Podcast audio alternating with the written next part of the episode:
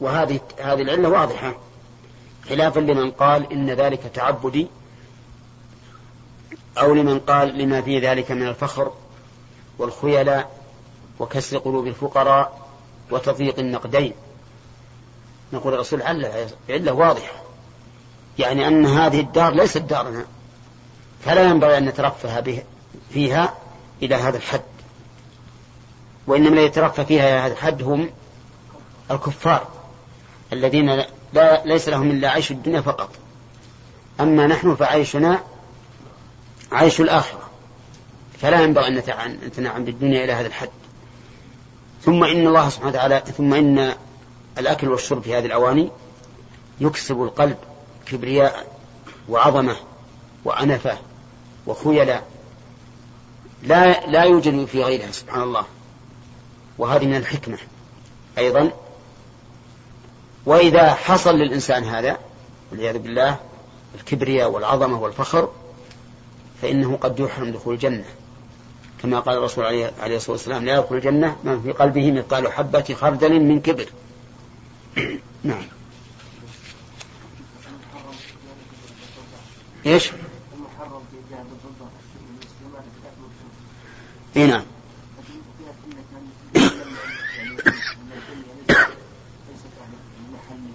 نعم. نعم. ما يحصل هذا في كما يحصل في الأكل والشرب. ولهذا أم سلمة كانت ممن روى حديث النهي عن عن الأكل والشرب بالذهب والفضة وكان عندها جلج من فضة فيه شعرات من شعارات النبي عليه الصلاة والسلام. نعم.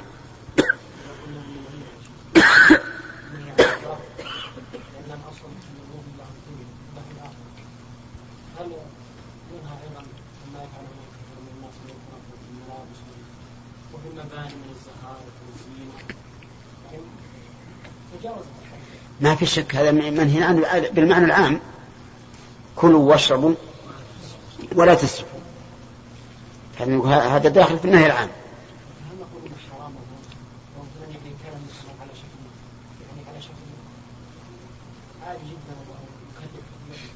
إذا إذا لا إذا لم يعد فيه مص إذا لم يكن فيه مصلحة تقابل ذلك. أما لو كان عاليا كثيرا لكن فيه مصلحة يؤجره مثلا وينتفع به ما في بأس. إذا كان ما في مصلحة دخل في الإسراف الذي نهى الله عنه وحرمه. لا تسرفوا إنه لا يحب المسرفين. نقول يحرم الإسراف في كل شيء. نعم.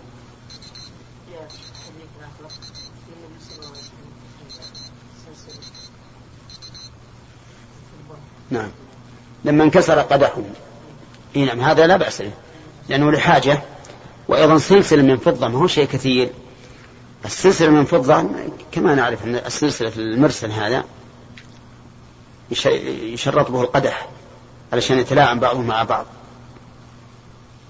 نعم. ثلاث نعم. حدثنا قتيبة قال حدثنا أبو عوانة عن باب إيش؟ الطعام. الطعام بالفلس بالألف؟ والطعم. نعم.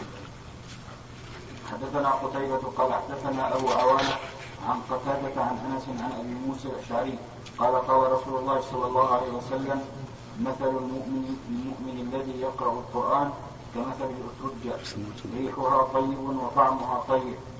ومثل المؤمن الذي لا يقرأ القرآن كمثل التمرة لا ريح لها وطعمها حلو ومثل المنافق الذي يقرأ القرآن كمثل الريحانة ريحها طيب وطعمها مر. ومثل المنافق الذي لا يقرأ القرآن كمثل الحنظلة؟ ليس لها ريح وطعمها مر. هذه أمثلة منطبقة تماما. المؤمن الذي يقرأ القرآن كالأترجة طعمها طيب وريحها طيب. طعمها طيب لأنه مؤمن. ريحها طيب لأنه إذا قرأ القرآن وأقرأه انتفع الناس به. والثاني المؤمن الذي لا يقرأ القرآن كمثل التمرة. طعمها طيب ولكن ليس لها ليس لها ريح. والمراد ليس لها ريح ذكي. ذكي ينتشر إلى الغير. وإلا فهي لها ريح. أما المنافق الذي يقرأ القرآن فهو كإيش؟ كالريحانة. الريحانة طعمها مر. يعني لو مضغتها وجدتها مرة. لكن رائحتها طيبة لأن هذا معه القرآن. لكن هو بنفسه خبيث مر. وفي هذا أن المنافق قد يكون منه خير. وذلك بما معه من العلم. والقرآن إذا نشره وانتفع به الناس لكن هو نفسه لا ينتفع به لأنه كافر والعياذ بالله. فلا ينتفع. كما قال تعالى وما منعهم أن تقبل منهم نفقاتهم إلا أنهم كفروا بالله ورسوله. أما أما الرابع فهو المنافق الذي لا يقرأ القرآن. وهذا هذا المنافق يعني يظهر أنه مسلم لكن لا يقرأ القرآن. هذا مثل الحنظلة. طعمها مر وليس لها رائحة يعني ما لها الرائحة الذكية لتجذب الناس وإن كان لها رائحة المرارة لكن ما الرائحة الذكية التي تجذب الناس وينتفعوا بها. وش سؤال الأخ أي نعم. وش سؤالك الأول. نعم. أي. الدبة معناها أن, أن يجعلوها إناء. لأنه إذا جعلوها إناء للنبيذ وهي حارة ربما يتخمر يكون خمرا وهم ما علم. نعم. ها؟ الأترجة نسميها إحنا الترنجة إيش؟ اي هذا لو كنت أك... ترني ترني إيه ها؟ لا وش فيها؟ هي مفهومة؟ كيف كل لا ما تعرفون أنتم؟ ترنج ما هو ليمون لا لا. كبيرة ولها ألياف من داخل حلوة. ها. طيب من قاله؟ يلا يا خالد طيب. حدثنا مسدد قال حدثنا خالد قال حدثنا عبد الله بن عبد الرحمن عن أنس عن النبي صلى الله عليه وسلم قال فضل عائشة على النساء وفضل الثريد على الطعام حدثنا أبو معين قال حدثنا مالك عن سمي عن أبي صالح عن أبي هريرة عن النبي صلى الله عليه وسلم قال السفر قطعة من العذاب يمنع أحدكم نومه وطعامه فإذا قضى نعمته من وجهه فليعجل إلى أهله. فإذا قضى نعمته من وجهه فليعجل إلى أهله.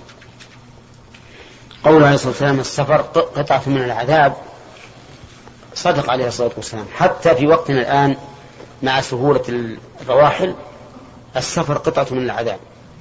وكان في الأول عذابا بدنيا وقلبيا. أما الآن فهو عذاب قلبي. بل قد يكون بدنيا أحيانا. اللهم رب هذه الدعوة التامة والصلاة القائمة آت محمد وسيلة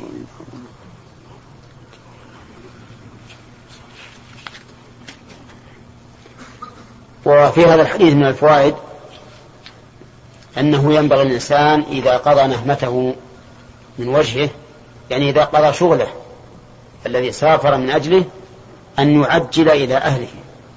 لا يتأنى لأنه قد يفوت مصالح كثيرة بفقده من أهله. ولأن بقاءه يفوت عليه أعماله الخاصة التي كان يعملها في محل إقامته. وهذا من الآداب التي أعلمها النبي عليه الصلاة والسلام أمته أن الإنسان إذا سافر إلى محل بحاجة فإنه ينبغي له من حين أن تنتهي حاجته أن يرجع إلى أهله ليكون عندهم يقوم بشؤونهم ويرعاهم كما أمره الله عز وجل. وربما يؤخذ منه الإشارة إلى المحافظة على الوقت. والاعتناء به وأن لا يضيعه الإنسان إلا في فائدة. لأنه إذا كان مسافرا وانتهت حاجته بقي متعطلا فليرجع حتى ينتفع بالوقت وينفع أهله أيضا.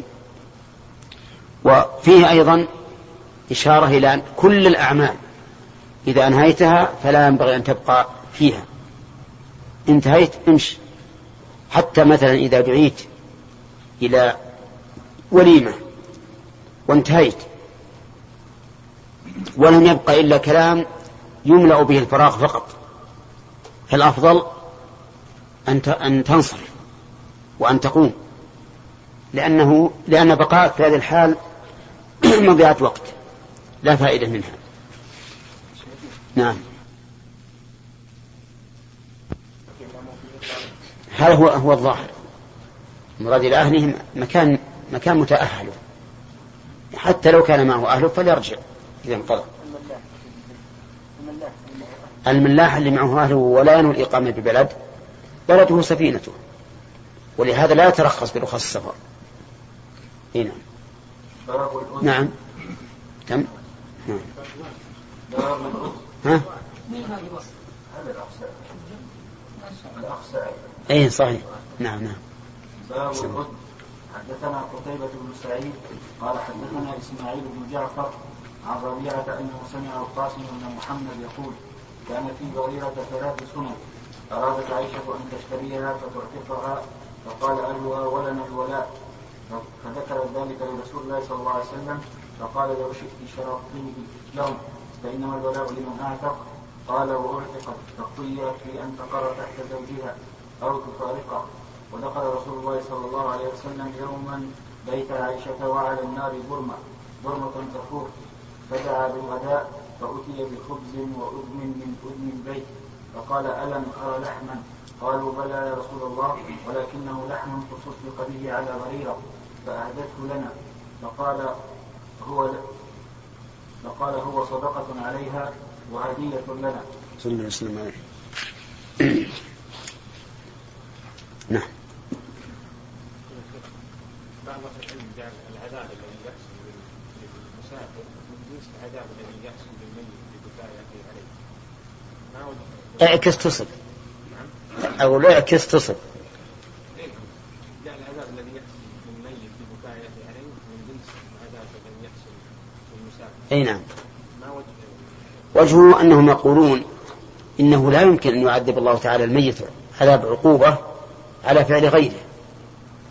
فيكون هذا العذاب مثل تعلم الإنسان واهتمامه من أجل السفر. أي نعم. لا بس مو بالعذاب اللي على على ترك واجب أو فعل محرم بحيث يعذب في النار أو يضيق عليه قبره أو ما أشبه ذلك. والإنسان قد يعني قد يتعذب في ضميره وبدنه سليم ما في شيء. نعم يا خالد.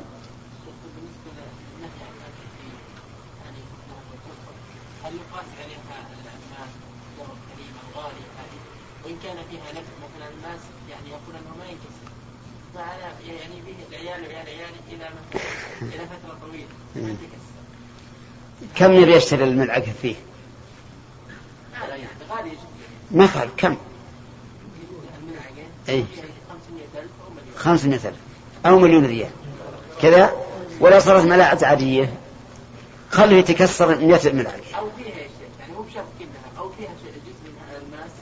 المهم على كل حال هي لا تحرم من حيث من حيث المعدنية. يعني معدن الناس ليس كمعدن الذهب والفضة في كل الأحكام. ولهذا يجوز فيه التفاضل في البيع والشراء وليس فيه زكاة ولو جعل حليا. وجميع الأحكام ما ما تثبت له. وأما وأما إذا كان من باب الإسراف فهذا يحرم من باب الإسراف. هنا. نعم. الذي يبلغ مثلا أربع سنوات. عارف كم في البلد. أربع سنوات. فهل يقصر في هذه أي نعم. الر- الراجح عندي أنه يقصر أربع سنوات. أي نعم. لو هو أربعين سنة. هو عارف إنه يبي يرو- يبي يرجع لأهله. إيه بس ما سيصبر ما يصبر حاجة مثلا ممكن تطلع غدا. إلا إلا إلا. ينتظر إنه يعطى ال- النتيجة. حاجة لو حصل له إنه ان تعطى إنه ينجح من كل المواد في شهر رجع. ما بقي لا بس حتى لو نجح ما أقول لو حصل له لو قالوا مثلا من أحب أن يضغط على نفسه ويأتي بهذه الدروس في خلال شهر أو نصف شهر أعطيناه الشهادة؟ فعل. إيه؟ طيب ومثل الذي في بلد فيه عام مثلا؟ في إيش؟ يعني آه طيب. لا لا. حدثني إسحاق بن إبراهيم الحنظلي عن أبي أسامة عن هشام قال أخبرني أبي عن عائشة رضي الله عنها قالت كان رسول الله صلى الله عليه وسلم يحب الحلواء والعسل. حدثنا عبد الرحمن بن شيبة قال أخبرني ابن أبي الفديك عن ابن أبي ذئب عن المحضوري عن أبي هريرة رضي الله عنه قال كنت ألزم النبي صلى الله عليه وسلم بشبع بطني. حين لا آكل الخمير ولا ألبس الحرير ولا يخدمني فلان ولا فلان. وألصق بطني بالحصباء واستقرض الرجل الآية وهي معي كي ينقلب بي فيطعمني وخير الناس للمساكين جعفر بن أبي طالب ينقلب بنا فيطعمنا ما كان في بيته حتى إن كان ليخرج ليخرج لنا ليخرج إلينا العكة ليس فيها شيء فنشقها فنعم فنلعقها فنشتقها. فنشتقها. فنشتقها. فنلعق ما فيها. الله أكبر الشاهد من هذا الحديث قوله نعم الحديث الأخير هذا كان الأول حديث عائشة الحديث الثاني وجه الشاهد والله أعلم أن السمن يكون فيه شيء من التمر. فيكون حلوا. الحلوى والعسل كان النبي عليه الصلاة والسلام يحبهما. لأن الحلاوة من ألذ الطعوم. وكان يحب الطيب لأنه من ألذ المشمومات. وكان صلى الله عليه وسلم طيبا. فالطيبات للطيبين. والطيبون للطيبات. وإذا رأ وإذا كان الإنسان يميل إلى هذه الأشياء الطيبة التي فطر الله تعالى الخلق على استحسانها وطيبها فهو علامة على أنه من الطيبين. على أنه من الطيبين إذا كانت أفعاله طيبة وإلا فقد يحب الطيب وليس بطيب هو لكن كونه طيبا ويحب هذا الطيب يكون هذا قد جبل جبله الله عز وجل على الأشياء المحبوبة الطيبة. والحلوى والعسل مفيدة ولعل الأخ رشاد يمكن يعطينا عن فوائدها. يعني بالنسبة لكل المأكولات اللي هي الحلوه تكون سهلة في الهضم بس. هنا ينتفع بها الجسم بسهولة. على غير الأطعمة الأخرى اللي كنت تحتاج هضم ومجهود صورة الهضم له أيضا أظن تنقية الدم. ما في لا. ما أدري أنا قال لبعض الناس إن شرب العسل على بالماء الساخن على الريق إنه مما ينقي الدم. نعم؟ تعطي نشاط تزيد السعرات لا يمكن هو يزيد إدرار البول يقصد كذا فيكون تنقيه للدم. إيه. يمكن. ما أدري. على كل حال إن فيها فوائد لكن الذي يهمنا الفائدة الشرعية أن الرسول عليه الصلاة والسلام كان يحب ذلك. فهل نقول إن هذا إن محبة هذا من الأمور الشرعية أو من الأمور الفطرية؟ نعم. الثاني أظهر. الثاني أظهر. لكن هنيئا للإنسان يحب ما يحب الرسول عليه الصلاة والسلام ولو كان على سبيل الفطرة. هنا. نعم. الخمير ولا ألبس الحرير ولا يخدمني فلان ولا فلان. نعم. هذا أبو هريرة. اي نعم. أبو هريرة. لا أبو هريرة. نعم. باب الدباء حدثنا عمرو بن علي قال حدثنا أزهر بن سعد عن ابن عون عن ثمامة بن بن أنس عن أنس أن رسول الله صلى الله عليه وسلم أتى مولى له خياطا فأتي بدباء فجعل يأكله فلم أزل أحبه. منذ رأيت رسول الله صلى الله عليه وسلم ياكله باب الرجل الرجل يتكلف الطعام لاخوانه حدثنا محمد بن يوسف قال حدثنا سفيان عن الاعمش عن أبي وائل عن أبي مسعود الأنصاري قال كان من الأنصار رجل يقال له أبو شعيب وكان له غلام لحام. فقال اصنع فقال أصنع لي طعاما أدعو رسول الله صلى الله عليه وسلم خامس خمسة. فدعا رسول الله صلى الله عليه وسلم خامس خمسة فتبع فتبعهم رجل. فقال النبي صلى الله عليه وسلم إنك دعوتنا خامس خمسة وهذا رجل قد تبعنا. فإن شئت أذنت له وإن شئت تركته. قال بل أذنت بل أذنت له. قال محمد بن يوسف سمعت محمد بن إسماعيل يقول إذا كان القوم على المائدة ليس لهم أن يناولوا من مائدة إلى مائدة أخرى ولكن يناول بعضهم بعضا في تلك المائدة. أو يدعو هذا عندنا معلق كأنه نسخة أخرى.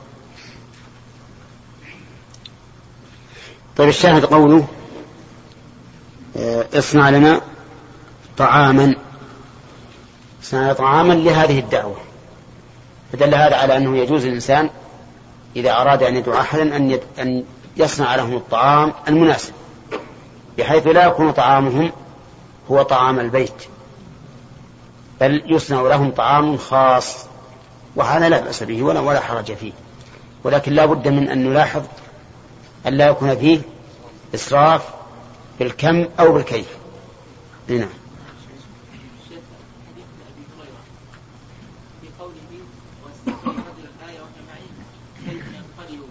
نعم هذا ما يظهر انه طلب طلب للعلم بقصد شيء من الدنيا في حاله الاضطراب مثل الجوع كما ورد في الروايه الاولى كيف؟ أقول طلب العلم لدفع ضرر دنيوي وهو الجوع. إنه كما قال في الحديث الأول أنه يعني أتى يتكفى على وجهه من شدة الجوع. فما يستشهد بهذا مثلا الانسان الذي يريد أن يحصل على الشهادة لا للعلم لكن لكي مثلا يتمكن من التدريس يتمكن من كذا وإن كان أصل طلب العلم شرعي. لكن لو خير بين ان يدرس دراسة شرعية وبين لا لما درس الجامعة هو لا يريد طلب العلم. لأن رجل عالم. لكن يريد كأنه من عادتهم أو نحو ذلك أنهم إذا استقرأهم أحد يذهب به إلى البيت ليقرئه في بيته. فهو ما أراد طلب العلم لأنه عالم بذلك. وقد أقسم فيما سبق أنه يعلم من عمر بن الخطاب أكثر مما يعلم هو وأما, وأما نية الشهادة في طلب العلم من أجل أن يدرس فهذا إرادة خير مو إرادة دنيا. لأنه أصبح الآن الشهادة لها أثر في تمكين الإنسان من التدريس. لو يكون الإنسان مثل ابن تيمية وهو ما معه الشهادة ما ممكن أن يدرس. ما أدري لو يجي أحمد بن تيمية يقول أنا, أنا أبيكم تأذنوا لي أدرس في الابتدائي. يمكن يقول ما معك شهادة ما نقبل. نعم؟ ها؟ نعم. صحيح لا فوق الجامعة رحمه الله. لكن القصد أن أصبح الآن المسألة مبنية على الشهادة. فإذا قال إنسان أنا أريد الشهادة أريد نيل الشهادة من أجل أن أتمكن من التدريس ونفع الخلق أو أن أكون في مكان أنفع الناس به. هذا هذا نية طيبة. لا ما يدخل ما يدخل نعم.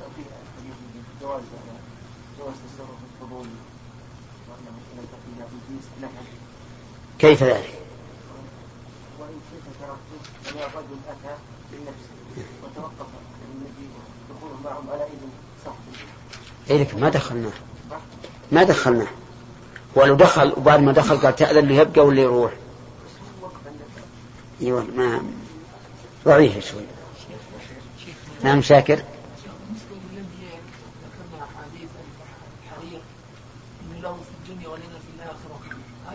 إيه الحرير الذهب الذهب والفضة نعم. لهم في الدنيا ولنا في الآخرة. هل إن وجدنا رجل مؤمن صالح نحسبه كذلك ولكن نستخدم الذهب والفضة هل نقول إنه يحرم عليك هذا في الآخرة؟ هو ورد في الحديث ورد في الحرير والخمر أن من لبسه في الدنيا لم يلبسه في الآخرة. الحرير. ومن شرب الخمر في الدنيا لم يشربه في الآخرة.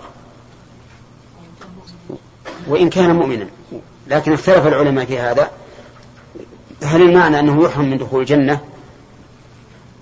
لأنه إذا دخل الجنة فسوف يلبس الحرير ويشرب الخمر. أو أن المعنى أنه يحرم من ذلك وإن دخل الجنة لمدة يريدها الله عز وجل ثم بعد ذلك يسمح له. نعم. باب من أضاف رجلا إلى طعام وأقبل هو على عمله حدثني عبد الله بن منير انه سمع النضر قال أخبرنا ابن عمرو. قال أخبرني محمد بن عبد الله بن انس عن أنس رضي الله عنه قال كنت غلاما أمشي مع رسول الله صلى الله عليه وسلم فدخل رسول الله صلى الله عليه وسلم على غلام له خياط فأتاه بقصعة فيها طعام وعليه دباء فجعل رسول الله صلى الله عليه وسلم يتتبع الدباء. قال فلما رأيت ذلك جعلت أجمعه بين يدي. قال فأقبل الغلام على عمله. قال أنس لا أزال أحب الدباء. بعدما رأيت رسول الله صلى الله عليه وسلم صنع ما صنع. إذا جمع الناس الآن اللحم بين يدي بعض الناس له أصل في السنة. أولى. نعم فعل أنس رضي الله عنه وأقره النبي صلى الله عليه وسلم على ذلك. لكن جرت العادة من بعض الناس أنه يأنف من هذا أنفة عظيمة. وإذا قدم له أحد شيء جعله بين يديه يزعل. ويغضب ويقول أنا صبي. ما بقي إلا أن تجعلها في فمي. وهذا لا شك أنه ما ينبغي.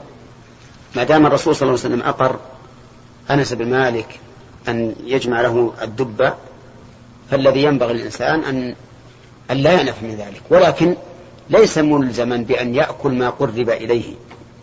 إن شاء أكل وإن شاء وإن شاء ترك. كذلك لو علم أن هذا الرجل يصنع هذا مجاملة وخجلا. لا عن محبة وانقياد. فلا بأس أن يقول لا تتعب نفسك يا أخي أنا أعرف وأنا عدل وما أشبه ذلك. نعم.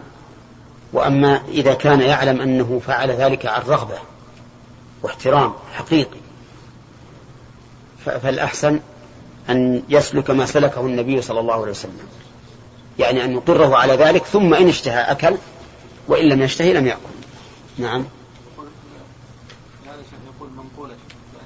إيش؟ منقولة هذه يقول. مثلا يعطي لحم ولا منقولة. منقولة؟ شو معنى منقولة؟ يعني يعني يعني يقطع لحمة يعطيها في مكان يعني. منقولة. شو معنى منقولة؟ ها؟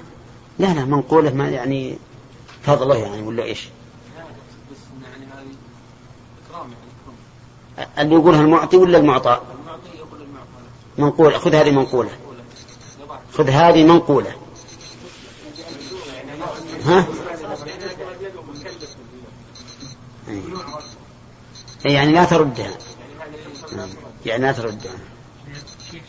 لا ما ينبغي أن نلزمه الحقيقة. لا ما يلزمه. لأن بعض الناس بعض الناس ربما يكره أنه يكرم إلى هذه إلى هذه الغاية. يكره يكرم إلى هذه الغاية. ويقول أنه وش فضل عليهم؟ وبعض الناس ربما يكره نفس الشخص هذا.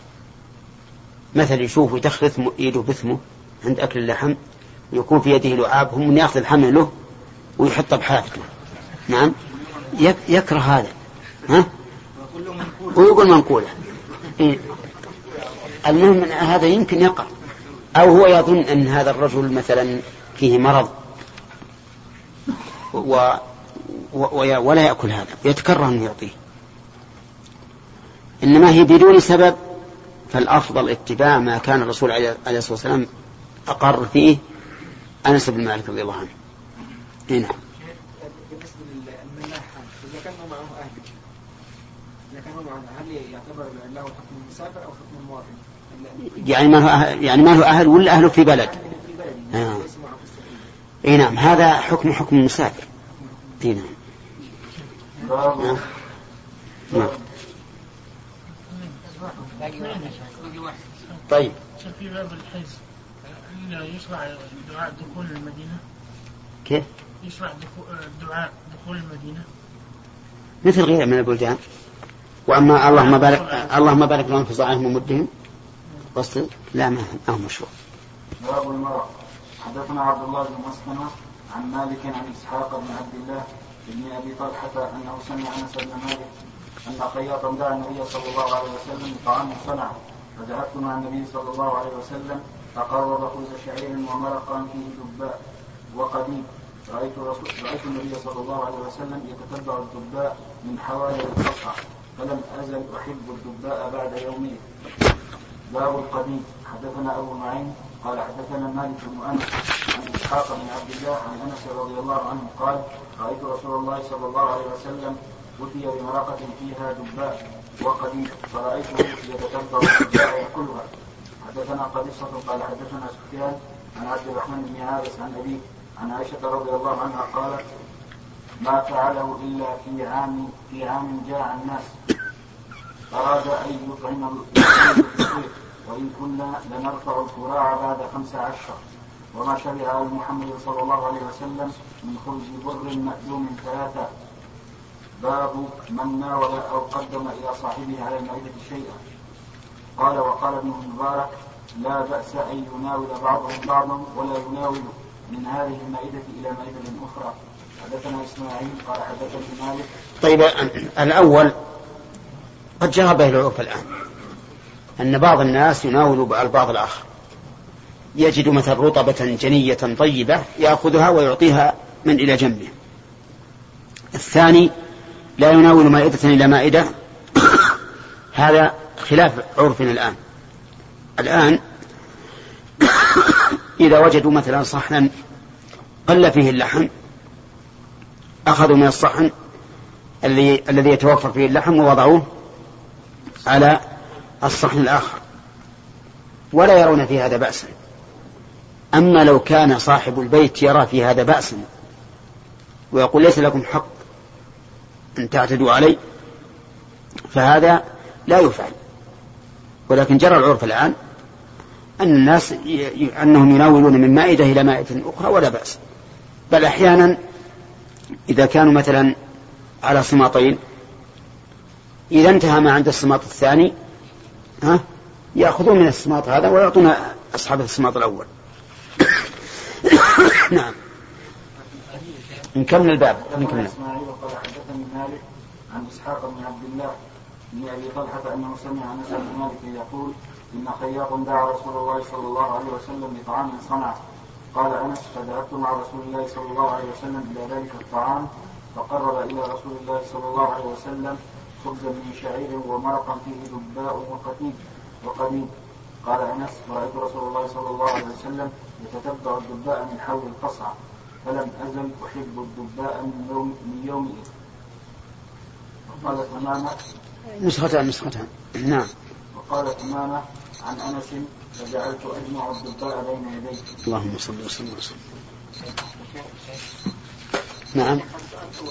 يلا عبد الله. شيخ علي يعني في أنا ما أعرف ان شاء الله حجاج بكرة يمر بك على السوق وقريبة هنا عندنا قريبة عندنا. الحنابلة والشافعية أنه يقدم الإمام لأن ولايته عامة. وهو ولي, وهو ولي على صاحب البيت. فيقدم ولفظ الحديث ولا يؤمن الرجل الرجل في سلطانه. وفيه لفظ آخر لكن مو في مسلم في أهله. هنا عرفت؟ وأظن مسجلين قبل بقى الحين؟ مسجلة. لازم تصحون الكلام اللي فيها. ها؟ إيه إي لكن ما ما ما, ما في قبل شيء. لا فيه. تأكدون اي صلت على البيت. ثم بعدين قلنا نراجع. إيه أنهم عدلوها. هذا هذا الأصل المراجعة. اي ولو كان ولو كان. نعم.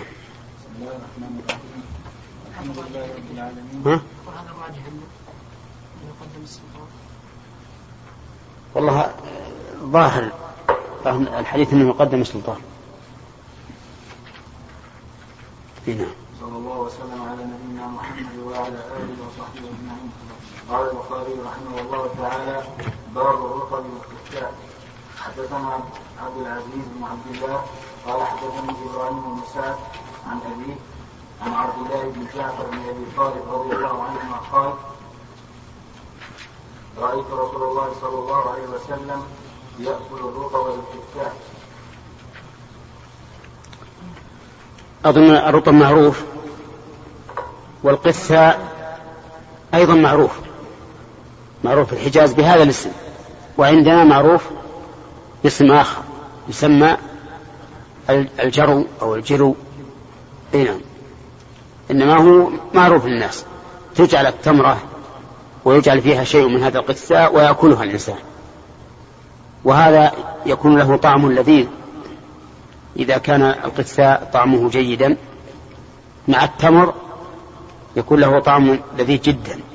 أحسن من الزبد مع التمر. نعم.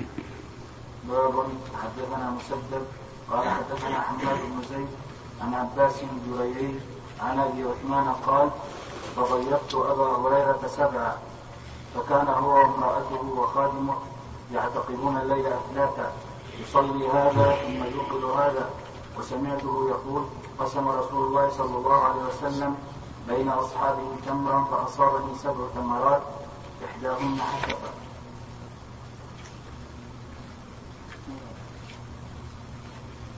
نعم.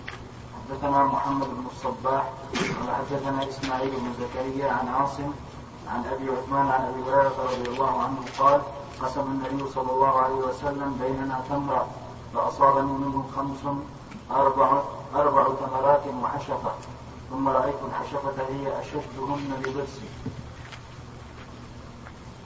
طيب هذا الحديث يخالف ما سبق من الحديثين السابقين أنها سبع تمرات فجرت عادة بعض بعض العلماء في مثل هذا أن يحمله على تعدد القصة ولكن إذا نظرنا إلى السياق فإن لا نحمله على ذلك. ولكن نقول بالترجيح فنرجح رواية سبع تمرات على رواية ست تمرات. لأن الوهم في هذا قريب وهو أقرب من تعدد الحارثة لأن السياق سياق هذا القسم وإحداهن حشفة يدل على أنها قصة واحدة. فالعمل العمل على ما سبق من الروايتين. أنهما أن التمرات سبع وإحداهن حشفة أشار لهذا الشارح؟ نظرا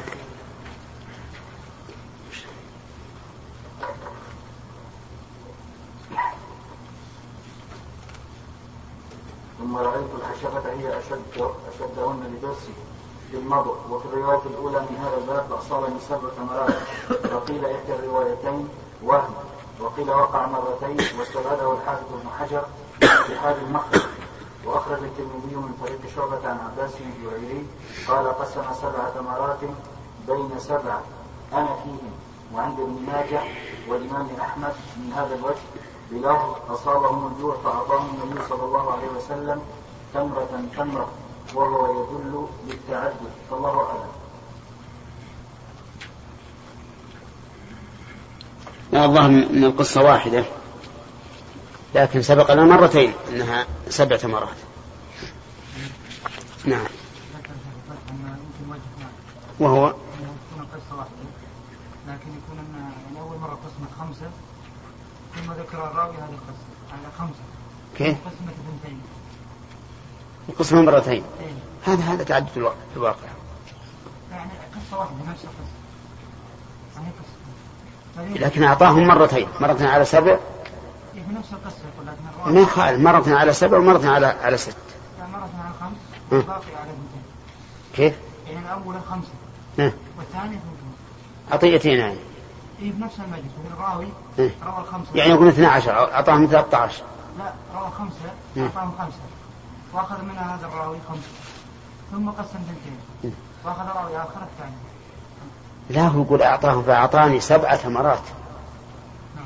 سبع تمرات إحداهن حشفة وهنا يقول خمس تمرات وحشفة فتكون التمرات كم؟ ست. لا تكون ست. في هذه الرواية أنها ست وفي الرواية الأخ- الأخريات أنها سبع. فهذا كصح. كيف؟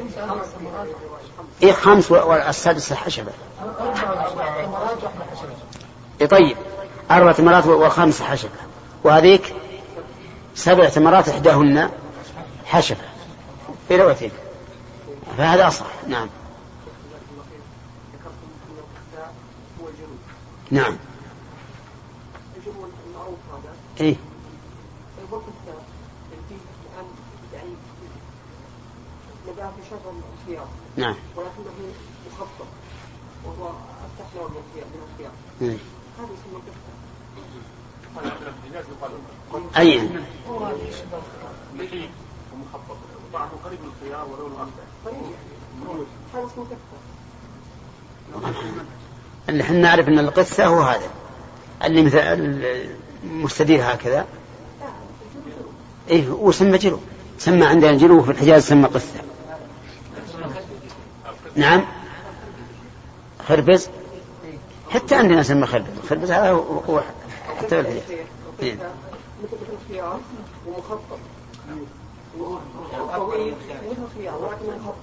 يجيب والله مشكلة. طيب. ما عندكم تفصيل له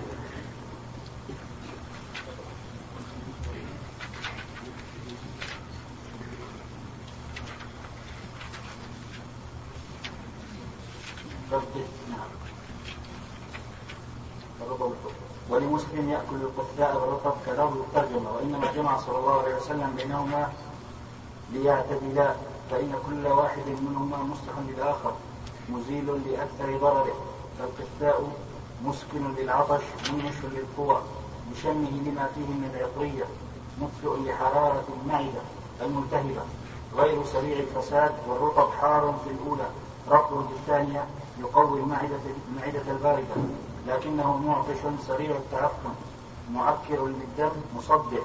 فقابل الشيء البارد فقابل الشيء البارد بالمضاد له فإن القثاء إذا أكل معه ما يصلحه كالرطب أو الزبيب أو العسل عدله. ولذا كان مسمنا مخصبا للبدن.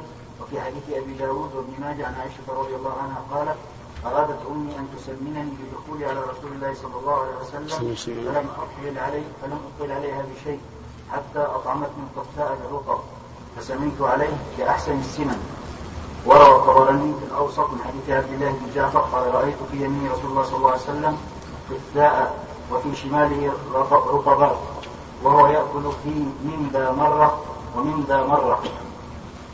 لكن في إسناده أصل محوشب ضعيف جدا. لله. ولعله إن ثبت كان يأخذ بيده اليمنى من الشمال رطبة رطبة فيأكلها ويأكلها مع الكثاء التي في يمينه. وحديث الباب أخرجه لكن ما ذكر تفسير له؟ قال قال في القاموس بالكسر والضم معروف. أو هو الخيار والمراد أكله أكله أكلهما معا مم. وزاد في المصابيح ولم تصل ها؟ صفحة 73 نعم. 573 إيه. قال قال وهو بكسر الخاء المعجمة. تكلم عن الكربس بعدين قال وقد تكبر الكتاء وتصفر مع من شدة الحر فتصير بالكربس كما شاهدتم كذلك في الحجاز. وفي هذا تعقب على من زعم ان المراد بالبطيخ في الحديث الاخضر واعتل بأن إيش المراد إيش؟ على المراد إيش؟ حديثا كان البطيخ نعم. وهذا في هذا وفي هذا تعقب على من زعم أن المراد بالبطيخ في الحديث الاخضر واعتل بأن في الاصفر حرارة كما في الرطب وقد ورد التعليل بأن أحدهما يبقي حرارة الآخر والجواب عن ذلك لأن في الاصفر بالنسبة للرطب بروده وإن كان فيه لحلاوته طرف الحرارة والله أعلم. نعم. حتى يكون هكذا. نعم. ها؟ لا لا. يقول إنه غيره. ها؟